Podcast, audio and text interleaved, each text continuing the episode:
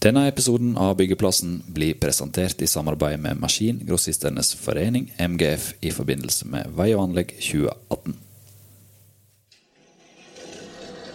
Googler du 'hva er en god bolig', får du 3000 resultater og enda flere svar.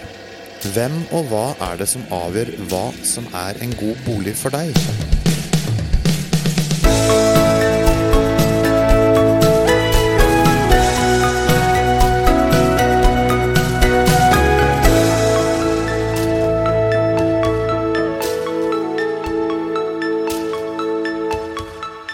Er det nok med et trangt bøttekott i sjette etasje med nærhet til byens mangfoldige uteliv? Er det et gårdsbruk uten nabo i sikte som må til? Eller er det romslige rom og en grasplen i en søvnig småby som er oppskriften på god boligkvalitet? Dette skal vi prate om i Byggeplassen i dag, men vi trenger gjester. I dagens Byggeplassen har vi fått med oss Obos-sjef Daniel Kjørberg Sirai og den internasjonalt anerkjente arkitekten Kristin Jarmund. Vi skal snakke om bo- og boligkvalitet. Daniel, eh, la oss starte med deg. Hvis du skal gi svaret med to streker under til alle googlerne der ute, hva er en god bolig? En god bolig er for meg det som eh, Det bildet jeg har utenfor døra mi, som sønnen min tegna når, eh, når jeg begynte jobben som konsernsjef, det er et hus eh, med masse smilende ansikter i alle vinduene, og det er lys og varme. Og for meg er det kjennetegnet et- det er et sted der folk trives. Og folk trives i ulik, ulik format, ulike steder. Enten det er en leilighet eller en enebolig, enten den er stor eller liten. Men det er et sted der folk trives. Og så har den litt ulike beskaffenheter, den boligen, alt etter hvem du er, og hva, hva du trenger der og da. Det er for meg definisjonen av en god bolig. Å begynne i den fysiske forutsetningen blir feil, fordi til syvende og sist handler det faktisk om å trives. Hvis du skulle fått det samme spørsmålet da, Kristin, vil du gi det samme svaret? Altså, først så vil jeg jo si at det er et utrolig viktig spørsmål du stiller. Fordi boligen er det aller viktigste bygget for de aller fleste mennesker. Det er det bygget man forholder seg mest til. Selv om på en måte det er eh, et tema som gjerne blir en vare blant investorer, utviklere og markedskrefter, så er det et bygg som har en enorm bruksverdi for folk stort sett. Jeg er helt sikker på at det finnes noen universelle kvaliteter jeg, som gjør at man trives, Daniel. Altså universelle kvaliteter som er helt uavhengig av størrelse og helt uavhengig av geografisk plassering. Som har med lys å gjøre, som har med sol å gjøre. Som har med privathet å gjøre, at du kan være alene, at du kan være i fellesskap. Som har med god materialitet å gjøre. Som har med variasjon i rom og opplevelser. Eh, en del sånne knagger som jeg mener det går an å, å løfte ut av eh, eh, det tidstypiske og, eh, og kalle mer universelt. Er det mer lys og eh, gode materialer skal til for å få gode boliger? Det òg. Det er ingen tvil om at både lys og sol og materialitet er en, en viktig boligkvalitet. Men, men la oss ta et eksempel på ta noen av de gamle gårdene, kvartalene på Majorstua eller på Frogner. Eh, Det er mye mindre lys og sol i uterom og inn i leilighetene i mange av de, enn det er i mye av det nye som er bygd. Og eh, det blir oppfatta som eh, kvalitativt bedre å bo på Frogner av mange eh, enn det å bo på, på Løren i en frittliggende lamell med mye sol og lys. Eh, sånn at den der, eh, Jeg tror det handler veldig mye om stedet. Jeg tror en av de generelle For jeg tror det, jeg tror det er noen generelle sannheter. En av faktorene her er trygghet. Er det trygt? Blir det oppfattet som trygt å bo her? Men du, Det er jeg enig med deg i. Altså, da, men da går du utover selve boligen, ikke sant? Jo, men- Da går du til miljøet, og der er det jo noen ytterligere kvaliteter Ja. det går an å definere som veldig viktige. Men Det boligen må er- ha riktig beliggenhet. Det er jo egentlig det det handler om. Samtidig. Fordi det, Den handler om at den må ligge i et trygt område. Den må, oppha, den må ligge nær det du oppfatter som viktig for deg. Eh, Sosialt stabilt miljø Ja. er viktig for mange. Ja. Nærheten til offentlig transport er viktig Ja. for mange. Nærheten til grønne omgivelser, til eh, sosiale tilbud er viktig for mange. Det er en hel haug med kvaliteter som ligger Og noen vil, og noen vil, bo, og noen vil vi bo i skogen, sånn som der jeg kom fra på Moi. Den fremste kvaliteten er jo at det ikke er så fryktelig mye naboer. At du faktisk har litt, eh, at du har litt avstand til naboen, så du kan bo i ditt eget hus uten at folk ser hvor du spiste middag. Ja, Det er også det. typisk for Ola Nordmann. Ikke? Ja, ja, skal men- kunne gå rundt sin egen bolig. Jo, men det jo ikke, betyr jo ikke nødvendigvis at det er dårlig. For, fordi det jeg opplever, det har blitt en sånn, nærmest sånn akademisk debatt. Jeg husker jeg fikk kjeft på Facebook av noen urbanister fordi Blokkvatnet drev en kampanje på Facebook om å flytte ut av byen. Eh, og så tenkte jeg, så ble jeg litt arg sjøl. og så tenkte jeg, hva, hva driver vi med å fortelle? Men så, så sier Bent Eik, som er sjef i byen, ja, men det er jo fordi vi, har jo masse kunder og medlemmer i Obo som faktisk er opptatt av det er det gode liv. Det er der du finner den, den, gode, det er den gode boligen for meg. Og, og som Lundteigen sa, det gå rundt huset og pisse på hvert hjørne, det er, det er kvalitet for han. Men hvis man, vi skulle bare styrt litt unna akkurat lokasjonen lokasjon og, og den biten, så eh, hva er det som gjør en god bolig hvis du bare har huset, da? Jeg begynner med Ja, deg, det, Kristin. jo, men det var det jeg prøvde å komme inn på innledningsvis. Altså, jeg tror det er noen universelle ingredienser som betyr mye for mennesker. Det er dette å kunne være privat. Og det å kunne være i fellesskap, og at grensene er ganske klare mellom de to ulike situasjonene å være i. Det er det å ha lys, luft og sol. Det tror jeg på. Man skal ikke bare bo i skyggenes dal, verken inne eller ute. Eh, og det med materialitet og rommelighet med noen kvaliteter, det tror jeg jo på som arkitekt. Jeg mener det er jo det jeg jobber med. Det skulle bare mangle at jeg ikke tror på det. ikke sant? Klarer Obos eh, og andre boligutbyggere å levere på det? Ja, i stor grad, men det er jo ikke alltid vi er enige om hvor mye lys og luft, hvor mye rommelighet, eh, hvor god materialitet. Det er Det er, det er jo der slagene står. Det står ikke om det skal være Det var som jeg, jeg så en, et forslag til et boligkvalitetsprogram der, eh, som var definert nå som en del av Bygg21. Der et av de opprinnelige forslagene var at det skal være lys og luft. Det var liksom god boligkvalitet. Og det, det er for meg en sånn, Hva slags utsagn er det? Hvem er det som ikke vil ha lys og luft? Det er hvor mye. Hvor mye dagslys skal det være eh, i en bolig for at den er definert? Hvor grensa går for god og dårlig?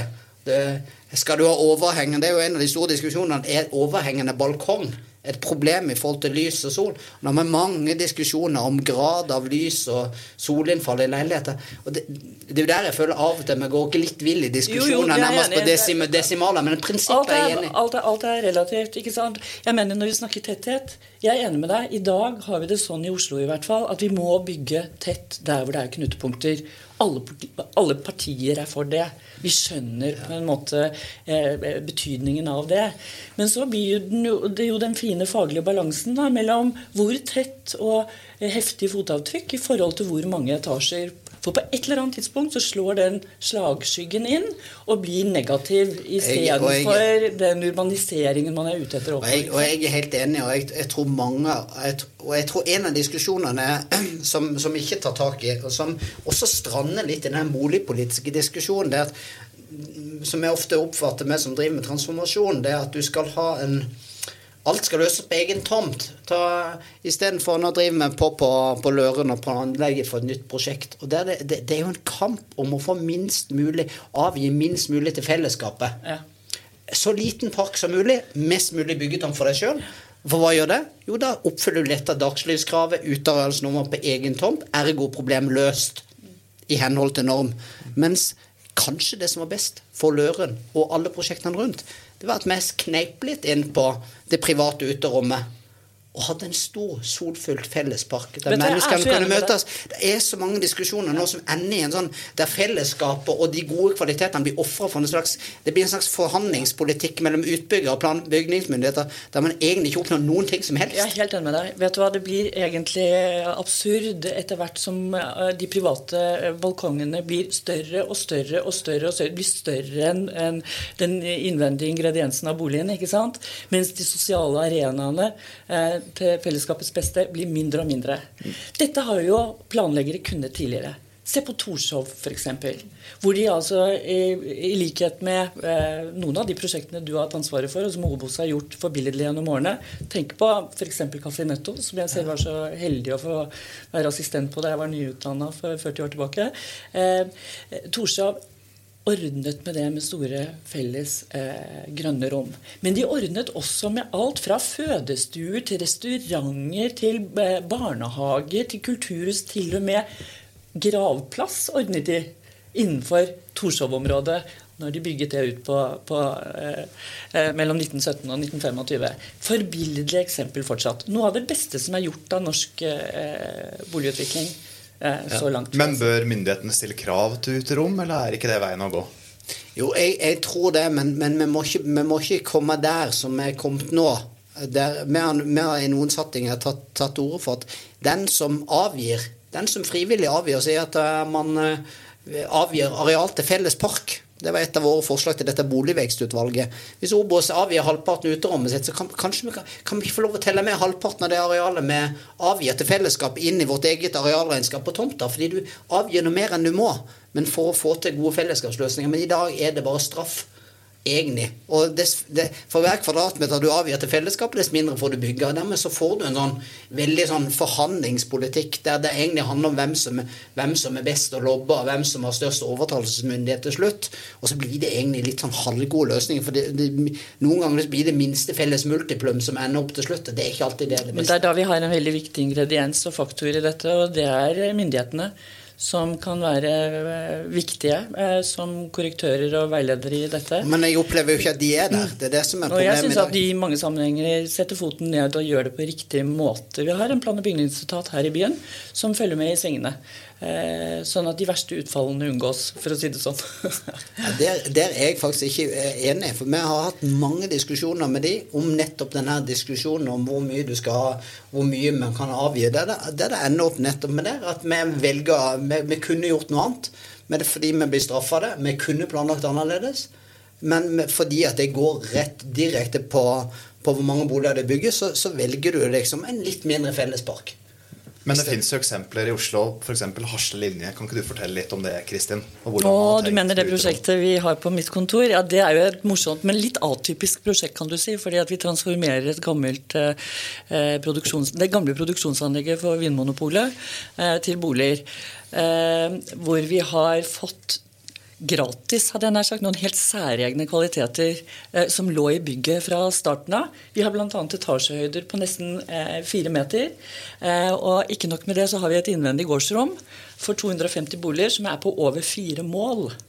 Når vi da har revet en del av produksjonsanlegget på innsiden av dette store kvartalet, så oppstår det et stort eh, felles hagerom eh, uten biltrafikk, hvor du bare kan lempe unga rett ut, liksom, helt beskyttet og flott, på over fire mål. Det er sjelden vare. Det er et uterom som nærmer seg nettopp det Torshov-utbyggingen på 20-tallet i Oslo hadde i seg som særegen kvalitet, og som viser det seg fortsatt er et av de mest populære områdene å bo i i Oslo.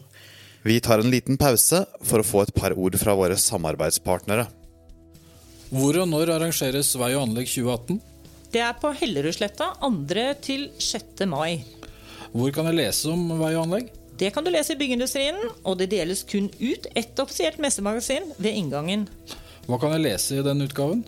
Det vil være fyldige forhåndsomtaler av Vei- og anleggsmessen 2018 utstillerliste, standkart, aktivitetsoversikt og nyheter i tilknytning til messen. Hvilket opplag har den utgaven av Byggeindustrien?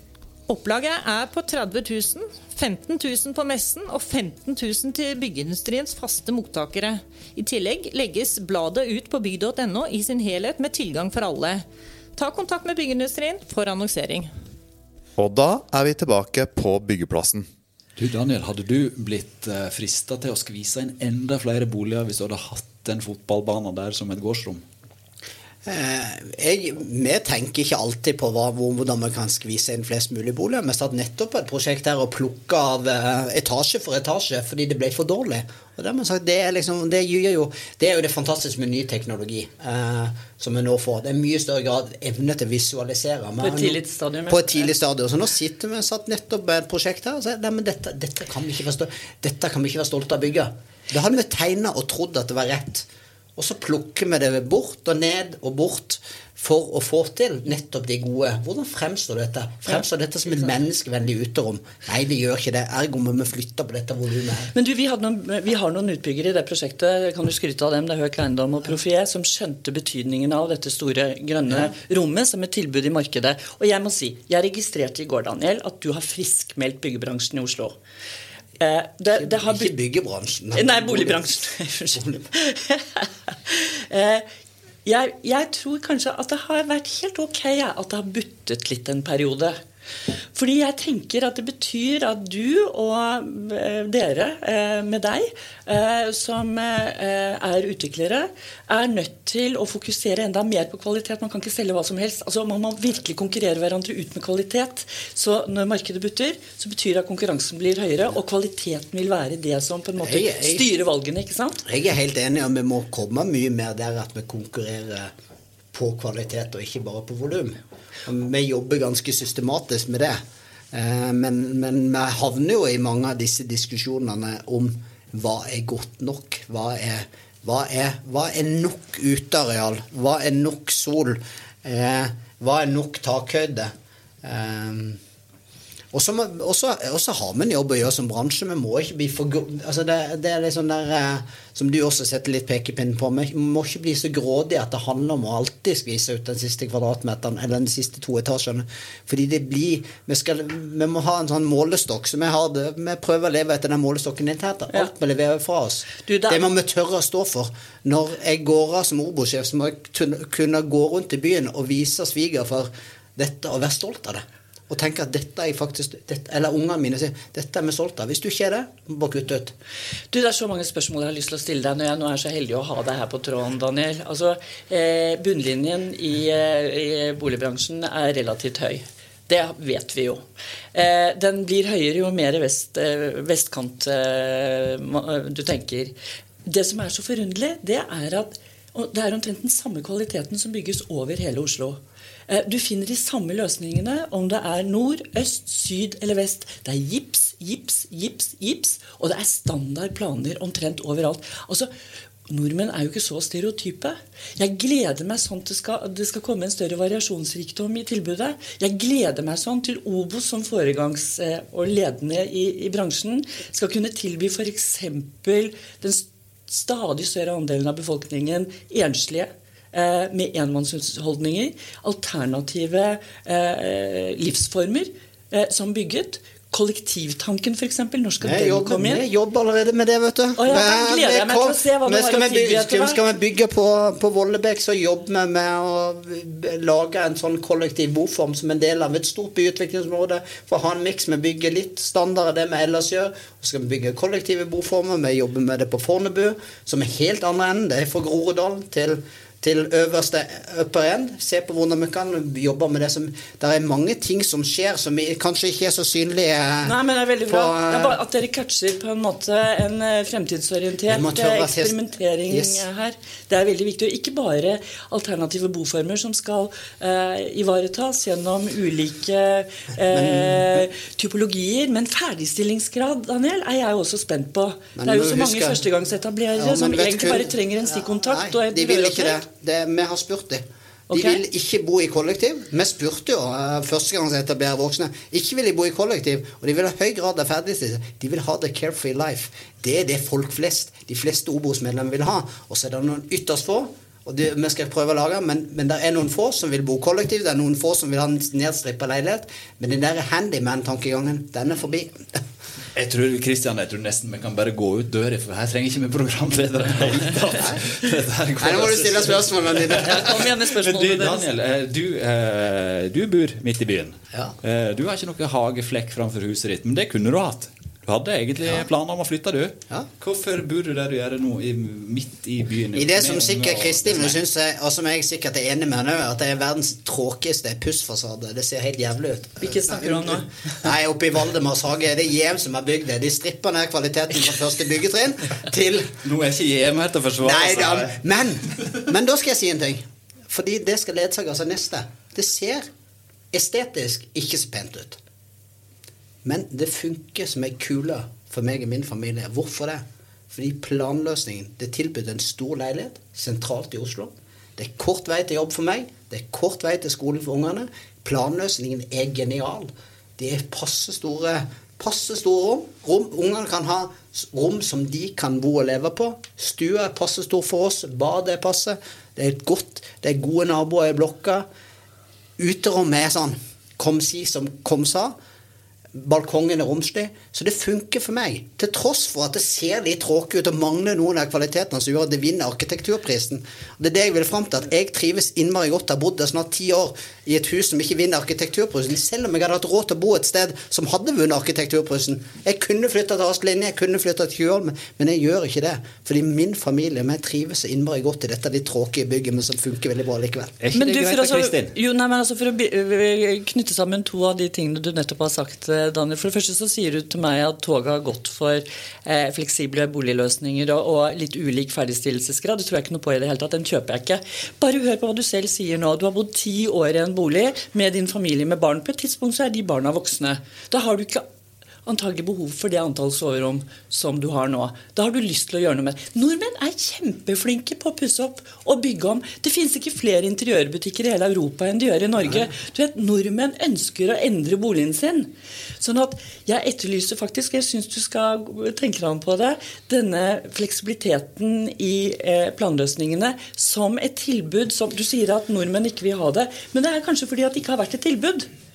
Altså jeg venter fortsatt på å se hva som vil skje når det blir lagt frem som reelle tilbud i markedet. Vi skal teste det for å se om folk, hvordan det funker for folk. Så det, det er ikke sånn om vi ikke tester det. Men jeg ser at det, det, det, er ikke, det er ikke det vi får mest Det er ikke det kundene våre etterspør mest av oss. Men vi har sagt at vi må teste det likevel. Nettopp for å finne ut er det et fremtidig behov. Endre kundeatferden sin. Er Tenker framtidens boligkjøpere annerledes enn de, de tradisjonelle? Men eh, nå får vi se. Men nå har Daniel sagt noe om boligen sin. Hvilke kvaliteter har boligen din, Kristin? Eh, den har lys, og så har den eh, nærhet til eh, grøntarealer, og så har den nærhet til en haug med bussforbindelser og trikkeforbindelser rett inn til sentrum. Så jeg er veldig fornøyd med hvordan jeg bor for øyeblikket. Det kan godt være at jeg vil endre den livssituasjonen på et tidspunkt, men akkurat nå har jeg det bra med det. Men det, det, akkurat det der med ja, Du bor rett ved kollektivlinja og sånn. Det, det er jo buzzord eh, fortetting. Alle skal bo nær eh, et kollektivpunkt nå. Og alle skal Alle nye boligprosjekter de skal ja, transformeres. Eh, hvordan klarer vi å ta vare på boligkvalitet når alt skal forvandles Jeg tror, det, fra jeg, tror ikke, jeg tror ikke det er rett å tenke sånn heller. For jeg tror, eh, jeg tror, jeg tror eh, vi også skal planlegge for, eh, for menneskene. Og Derfor er jeg eh, ganske kritisk til den der eh, samordna areal- og transportplanen. For nå snakker vi utover et Oslo-perspektiv. Både du og meg snakker litt sånn fortetting av Oslo, men Norge er mer enn Oslo. Ja. regionen vår er mye mer enn storby også. Eh, vi vet at utrolig mange ønsker å bo utafor byen. Både fordi det tilbyr en billigere altså Det å bo i rekkehus på, på landet utenfor Oslo er en billigere boform for veldig Ja, mange. er 18 minutter med tog til Ski nå. Ja, ja, liksom. Det er kortere tid for å komme til Ski enn hjem til meg. Yes, og, og folk ønsker å bo på den måten. Eh, de ønsker det med gress under, gress under tærne som du ikke får i byen. Og så har du nå en areal- og transportplan som legger til rette for egentlig 80 av fortettingen som skjer utenfor Oslo, skal skje i blokker på, eh, på jernbanestasjonene. 20% skal skje utenfor. Ergo mesteparten av det, folk, det vi tvinger folk til å bo i, også i denne byen, fortetting mester, da. masse blokker, ikke noe småhus. Den, den der kvaliteten som veldig mange nordmenn ønsker å etterspørre. Og så tenker jeg er det i et bærekraftsperspektiv det blir også feil. Eh, Så vi er nødt til å endre litt på arealpolitikk. Fordi ny transport bare på få år så har måten vi transporterer oss, blitt mye mer miljøvennlig. Nå kjører vi snart elbil alle mann alle. Togene kommer, som du sier, til Ski og oppover Romerike. Så det er mulig å transportere seg mye mer fossilfritt. Og da kan man kanskje legge bort denne fortettingsstrategien litt mer. Med to som kommer fra Oppegård eh, som programledere, så kan vi ikke bare si positive ting om toget heller. I hvert fall ikke foreløpig. Nei. Men, men tror du ikke på at disse, disse eh, satellittene til Oslo ikke sant, de må jo fullverdig utvikles med alle sosiale tilbud, rekreative tilbud, kulturtilbud, slik at ikke folk blir enda opp med å ta det toget tilbake til Oslo sentrum hver eneste kveld for å oppleve noe. Man må på en måte tenke fullverdighet når man tenker lokale eh, satellitter. Eh, Ja, eller, eller, eller, komplementære størrelser. Fordi jeg tror at, eh, at hovedteateret må være her. Men kinoen kan kanskje være på Lillestrøm. Men Lillestrøm teater blir aldri en konkurrent til Nationaltheatret. Heller ikke Operaen. Men jeg synes jo tilbake til det med boligene, så syns jeg på en måte at et stikkord her for å ytterligere forbedre det vi allerede er ganske gode på i Norge, det må være å vektlegge enda, i enda større grad de sosiale arenaene. Fordi vi er altså så opptatt av eh, de største boligene med de største private terrassene.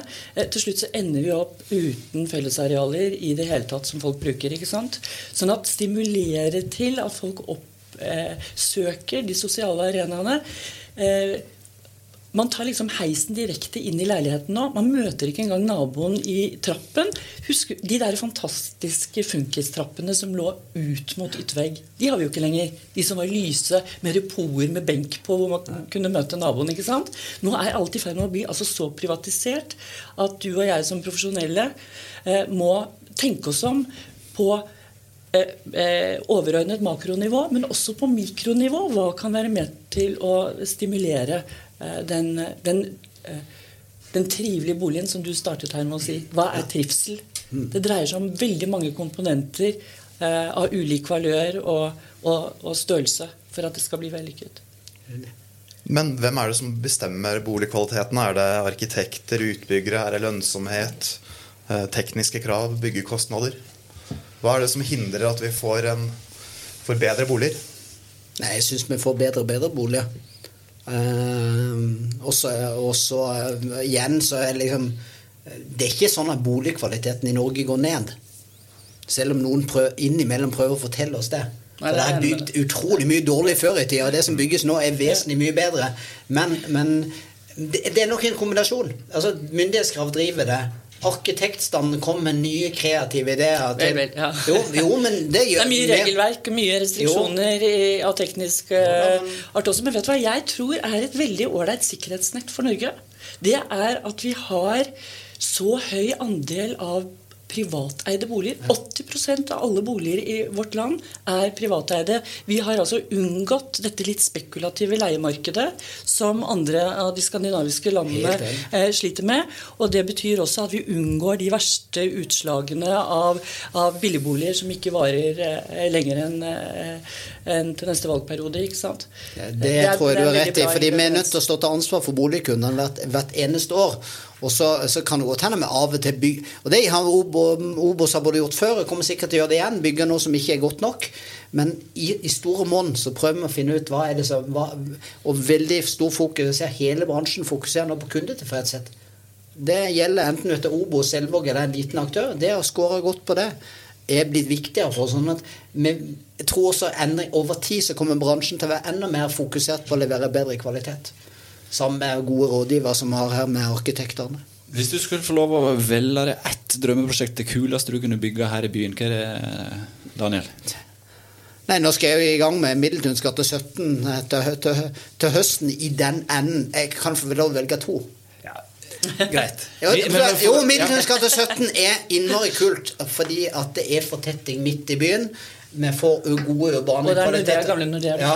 Mm. Med, Det var der dere prøvde å bygge så veldig høyt. Ja, Hvor mange det- etasjer ble det til slutt? Det ble 14. Okay. Og uten høyhuset. Men det er helt Det var en demokratisk prosess, og så endte det kommer til å bli et superbra prosjekt. Men det jeg gleder meg mest til, når vi skal begynne på Ulven 14.6 og skal selge boliger til, eh, med høy kvalitet eh, til en pris som Oslo ikke har sett på veldig lenge.